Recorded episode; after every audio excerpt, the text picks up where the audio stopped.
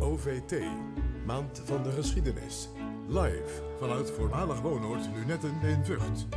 Nogmaals, het is niet het voormalig woonoord, uh, liet uh, Wim Manahutu mij net al eventjes weten. Maar goed, we zijn hier dus inderdaad in het Molux woonoord Lunette en in die laatste overgebleven stenen barak, barak 1b.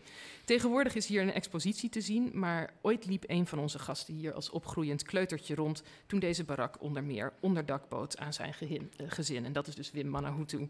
Ja, want in 1951 werd het hier Molux woonoord Lunetten.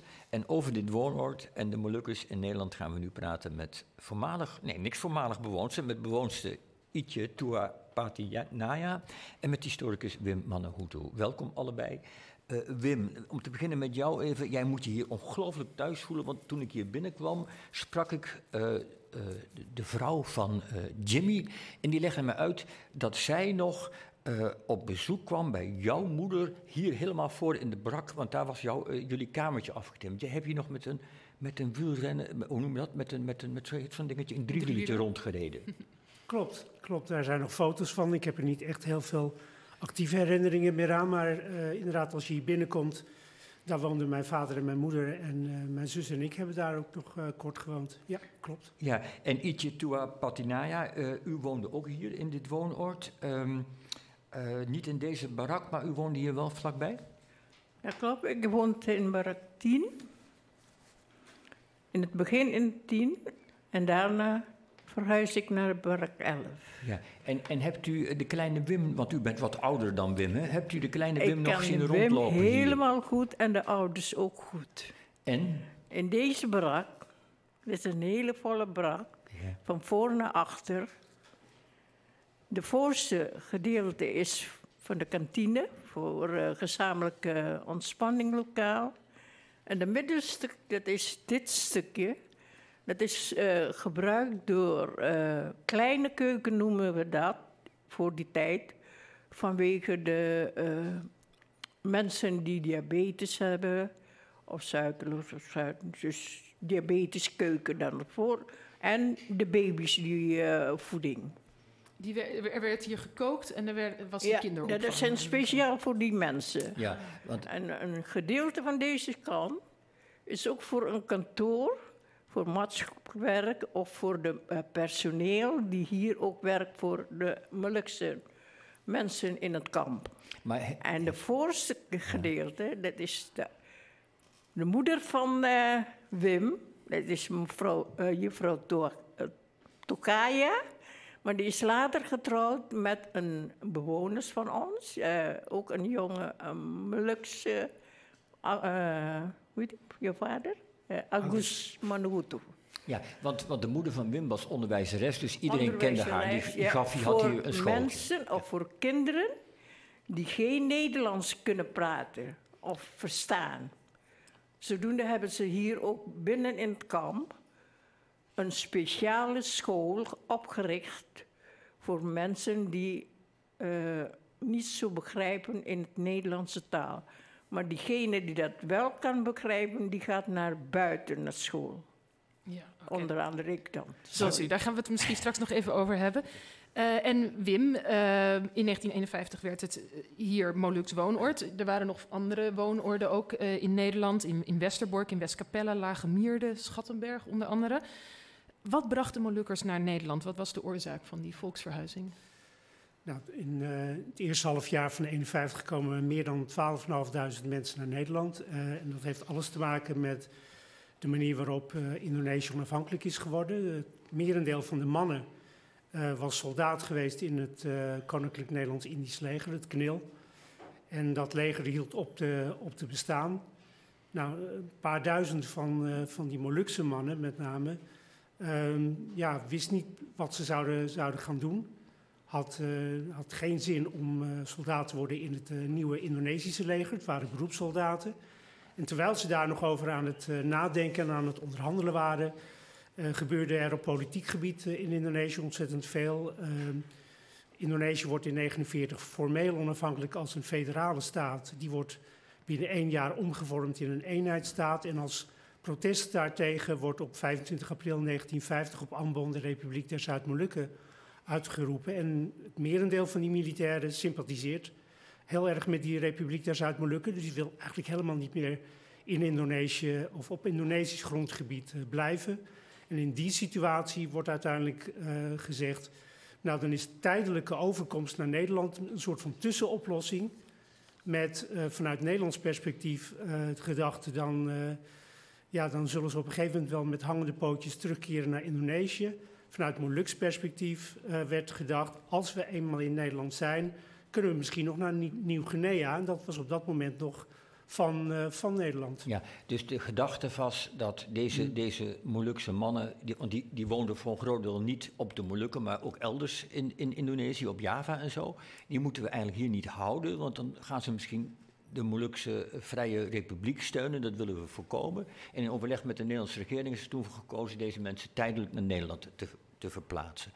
Uh, hoe ging die opvang? Want het zijn 12.000 mensen, mannen met vrouwen en kinderen. Hoe ging dat? Waar werden ze opgevangen en, en hoe deed Nederland dat? Nou ja, toen ook al uh, woningnood natuurlijk in Nederland. Uh, helemaal aan het begin van de wederopbouw. Wat je dan ziet is dat er in een heel kort bestek worden er zo'n 80 plaatsen in Nederland, vooral op het platteland, buiten de Randstad, gereed gemaakt voor tijdelijke huisvesting. Dat zijn vakantieoorden, dat zijn kastelen, dat zijn kazernes geweest. En dat zijn ook de twee grote Duitse kampen in Nederland geweest. Het kamp Vught, hier waar we nu zijn en het kamp Westerbork in, in Drenthe. En in elk van die twee kampen hebben ruim 3000 mensen gewoond. Dus het waren ook de hele grote, grote kampen. Ja, en een idee waar we ook nog even bij stil moeten staan is natuurlijk toch ook, je noemde het al terecht, het idee van de Republiek der Zuid-Molukken, dat ideaal. Dat, dat werd dus als een soort beloofde land ook gekoesterd door de mensen die hier kwamen. Ook bijvoorbeeld hier in Kamp Vught. Zeker. De, de meerderheid van, uh, van die Molukse militairen, je hebt altijd verschillende opvattingen gehad binnen de gemeenschap, maar de meerderheid van de mannen uh, en, en, hun kinderen en hun gezinnen stond inderdaad achter dat uh, ideaal van die vrije republiek. En dat is ook de reden geweest waarom ze niet terug wilden naar, uh, naar Indonesië, want ze wilden niet terug naar in hun ogen bezet, bezet gebied. En ze hebben geprobeerd om via de rechter transport naar Nieuw-Guinea af te dwingen. Dat is niet gelukt. Ze hebben wel via de rechter in eerste instantie met succes dat ontslag uit militaire dienst aangevochten. En uiteindelijk is dat op hele formalistische gronden van tafel geveegd. Nou, dan heb je direct de twee grote ja, ja, conflicten met de Nederlandse overheid. Want ze worden meteen uit hun militaire dienst ontslagen. Dus ze worden eigenlijk als het ware aan de kant gezet voor hun eigen gevoel, mm -hmm. vermoed ik. Zodra ze hier in Nederland aankomen ja. eigenlijk. Ja, bij aankomst is het zo dat de, de, mensen die krijgen een briefje en daar staat... nou, u bent met ingang van heden ontslagen uit, uit militaire dienst. Nou, dat is een ontzettende klap in het gezicht geweest, want... De mensen dachten, wij gaan een hele onzekere toekomst uh, tegemoet. Maar één ding waar we zeker van zijn, is dat we die status hebben van ja. uh, militair. Ja, en je zegt de andere klap is die, dat ideaal van de RMS, mm -hmm. die, die, Vrije Republiek, waar eigenlijk nooit niks van terechtkomt. En waar Nederland, hoe gaat Nederland daar dan mee om, de Nederlandse overheid?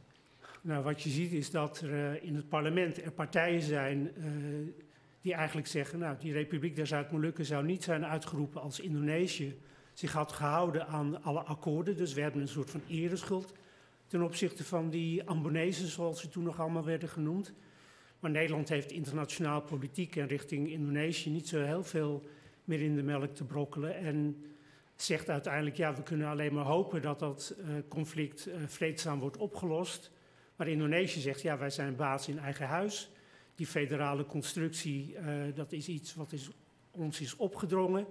En daar maken wij nu een einde aan. En die Republiek der Zuid-Molukken, dat is gewoon een stuiptrekking van het Nederlands kolonialisme. Dus die wil daar helemaal niks van weten. Nee, maar, maar, het is, maar, maar hoe doet Nederland dat dan naar de Molukkers hier in Nederland toe? Doen ze net of die belofte nog wel een kans maakt? Of, of zeggen ze, jongens, dat wordt nooit meer wat? Nou, wat je ziet is dat uh, de overheid heel sterk zegt van... nou ja, wij, wij zien dat uh, internationaal recht of het recht uh, wordt geschonden... maar wij kunnen niet zoveel. Maar dat is natuurlijk niet een boodschap die, uh, die echt landt uh, in die Molukse gemeenschap. Die zegt, ja, wij hebben heel lang voor jullie gevochten.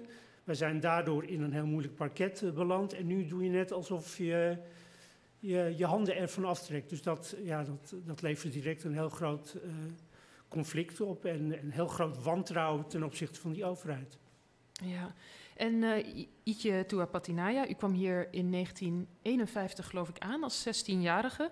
Helemaal alleen. Uw familie kwam niet mee. Hoe, hoe kwam dat? Ja, zoals ik uh, later kan begrijpen... Het is meer in de politieke beweging tussen Nederland en de militairen. Heel in het begin mogen de uh, militairen en de weduwe van de militairen en de kinderen allemaal worden naar Nederland gebracht.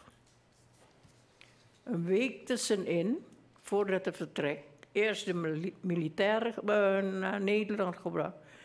Resten de uh, mensen van militairen en de weduwen en de kinderen, die mogen niet mee. Het is een, een, een, tegenslag voor onze moeder dan.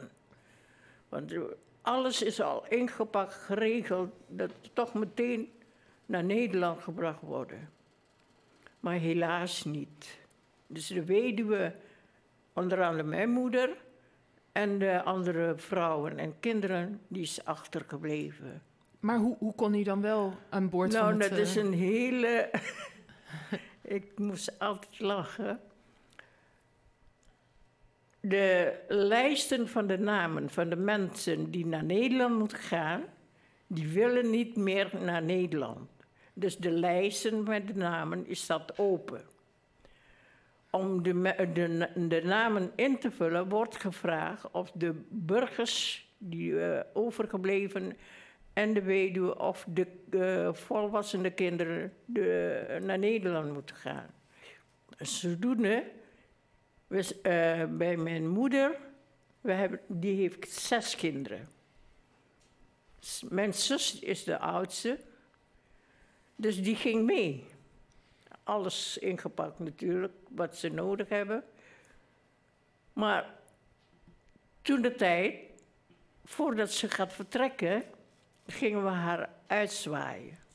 Om van, van de uh, kazerne, zeg maar, in Smarang naar de haven om naar Nederland te gaan. Maar in Smarang heb ik geen haven.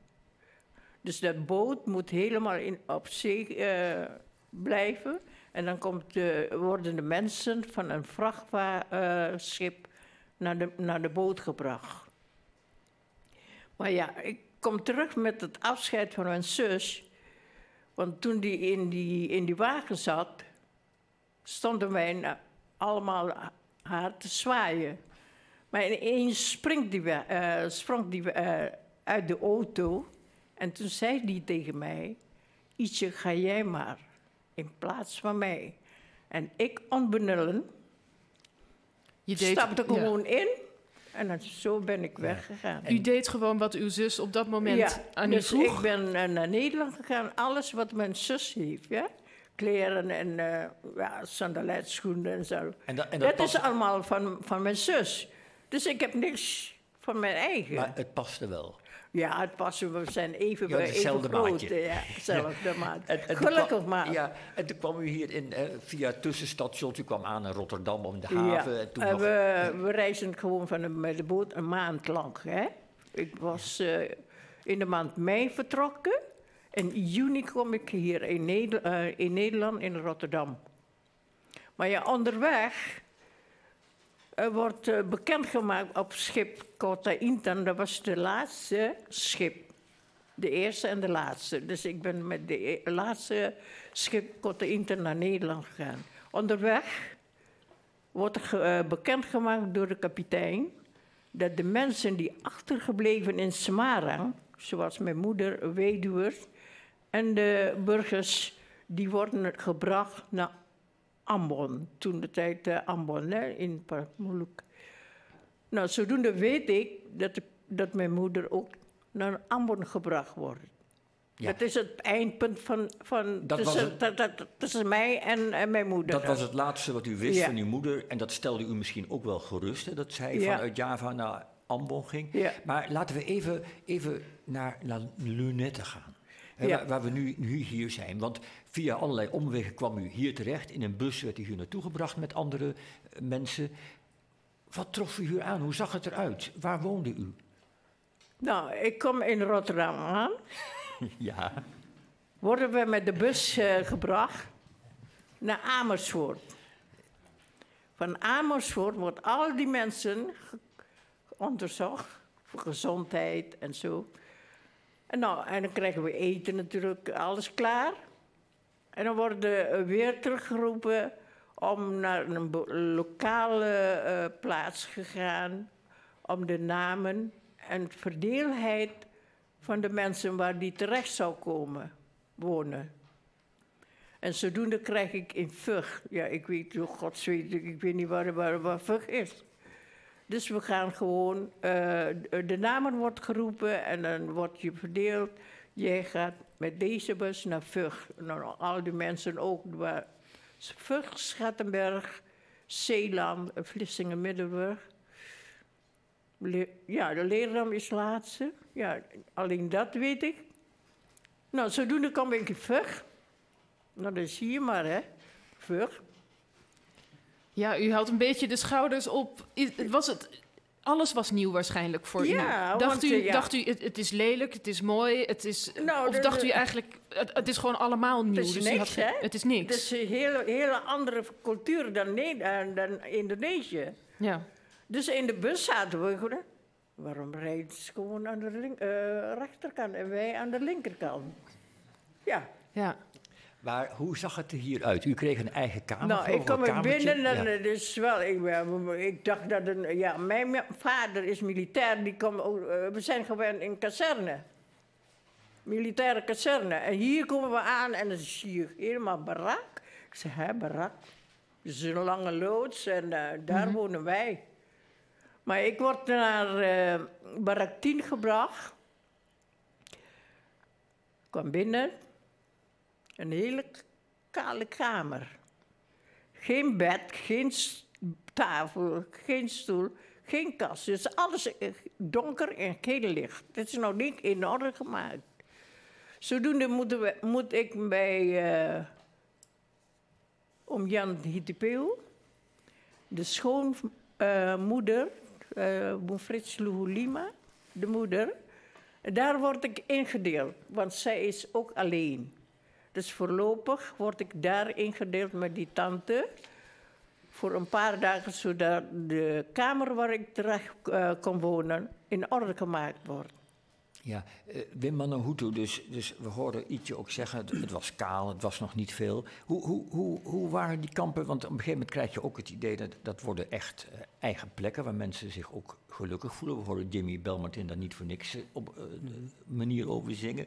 Hoe werd het georganiseerd? Waren het een soort Molukse dorpen als het ware in Nederland of hoe moeten we het ons voorstellen? Dat zijn ze, dat zijn ze geworden. Maar in het begin was het heel duidelijk eh, heel karig ingericht op, eh, gericht op eh, tijdelijke huisvesting. Dus dat was vanuit de Rijksoverheid werd dat georganiseerd. Dus allemaal standaard en met een bed, soms een stapelbed, een kast, een tafel.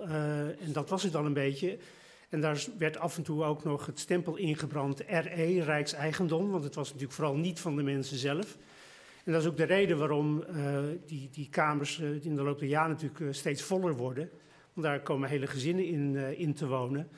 En eh, ja, de mensen die denken in die eerste paar maanden, nou ja, we houden het hier wel vol, totdat we weer weg kunnen. Dat is echt heel sterk eh, de eerste maanden en eigenlijk nog jarenlang het perspectief geweest. We zijn hier maar tijdelijk, we gaan weer naar huis op een of andere manier. En zolang het is, ja, we zijn ook wel wat gewend. Het zijn geen, het zijn geen klagers. Dus dan, dan houden we het hier wel vol. Natuurlijk het Nederlandse klimaat, het feit dat je de taal niet spreekt, dat, dat kinderen inderdaad in een groter kamp het voordeel hebben dat ze op een kampschool kunnen eh, komen waar heel vaak onderwijzend personeel zit, wat eh, ervaring heeft in Indonesië eh, of in Nederlands-Indië, soms in de koloniale tijd. Dus wat ook Maleis spreekt, maar in andere gevallen moesten kinderen vanaf het begin naar de Nederlandse school.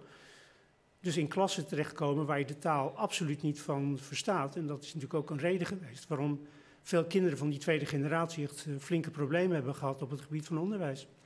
Ja, en, en wat de integratie vast ook niet bevorderde, was dat ideaal van de RMS, de, de Vrije Republiek der Zuid-Molukken.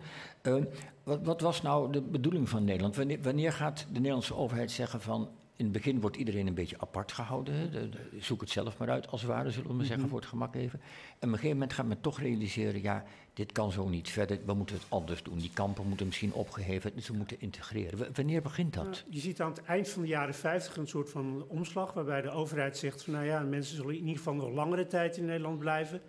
En dan eh, zie je dat er woonwijken worden gebouwd. Eh, waar, omdat wordt gezegd, nou, individueel plaatsen van Molukse mensen tussen Nederlanders, eh, dat, daarvoor is die kloof eh, nog eh, te groot. Dus je moet ze in woonwijken plaatsen, dus eensgezinswoningen, wat kleiner van omvang, dus niet meer van die hele grote concentraties. Ideale grootte was zo'n 50 woningen. Meer, wonen, meer woonwijken in de Randstad, vandaar is economische groei. En waar mensen werken, hebben ze ook meer contact met die Nederlandse samenleving. Dat lukt niet altijd en daarom zie je op dit moment zo'n 60 woonwijken verspreid over Nederland. Je hebt wel wat meer woonwijken in Noord- en Zuid-Holland, maar het merendeel van de Molukse woonwijken ligt eigenlijk, eigenlijk in de buurt Ja. van waar vroeger zo'n Moluks woonoord heeft gelegen. Dat, dat wil ik nog nog even vragen aan Ietje. Ehm, u woont hier nu in een van de nieuwbouwhuizen in de buurt, vlak, vlak in de buurt van deze barak ook. Ik vraag me nog af, die, dat gevoel van die Molukse gemeenschap wat hier was toen jullie echt nog in de barakken woonden, is dat er nog steeds? Ja, eh, het leven eh, van, van de mensen in barakken, eh, die, zijn uh, samenhorig. hè. Dus, eh, ja, wat, ze kunnen toch niks meer doen. Dus er wordt zo eh, gezet. Dus je moet maar gewoon aannemen en eh, elkaar ondersteunen. En hoe is dat dan nu? Z- zijn jullie nog Nou steeds een hechte gemeenschap? Ja, nou, eh, of is nou, het toch wij- ietsje meer op zijn Nederlands, iedereen in zijn eigen huisje? Komen jullie nog voortdurend bij elkaar over de vloer? de samenhorigheid dat blijft toch altijd eh, nog hetzelfde bij de Molukkers. Alleen ja, het is nog een beetje vreemd. Vreemd niet, maar eh, ieder op zichzelf. Want Wim, eh, even, want we zitten nog in de lunetten. Men wilde hier eigenlijk niet weg. Hè? In de jaren negentig wilde de overheid het opheffen, alle brakken afbreken en uiteindelijk slaagt men erin te mogen blijven en komt er een nieuwbouwwijk. En die lijken die zijn gebouwd alsof het kamphuizen zijn, hè? van buiten althans. Klopt, aan het eind van de jaren tachtig zie, je, zie je dat de overheid eigenlijk wil dat dit hele woonoord eh, ophoudt te Ja, op- bestaan. Nou, dat is nog bijna uitgelopen tot eh, echt een groot conflict. En door heel veel onderhandelingen is het nou zo dat de mensen op dezelfde plek konden blijven wonen, maar dan onder betere omstandigheden, omdat die barakken die waren echt gewoon heel slecht. Er zat ook heel veel asbest in bijvoorbeeld. Maar daarom is het ook zo dat de bewoners hier nog, nog steeds spreken over een woonoord en niet over een woonwijk. Omdat ze zeggen, wij zijn nooit weggegaan. We zijn hier altijd gebleven. En daarom is het ook een hele symbolische plek, omdat je hier mensen hebt die vanaf 51 tot aan nu steeds op dezelfde plek eh, zijn blijven wonen. Goed, ik wil jullie allebei bedanken voor jullie, eh, dat jullie hier te gast zijn, eh Ietje Tuapatinaya en Wim Manahutu. En we gaan straks gaan we praten over de voorgeschiedenis eh, van deze plek, voordat het een eh Moluks woonoord werd. En dit was het...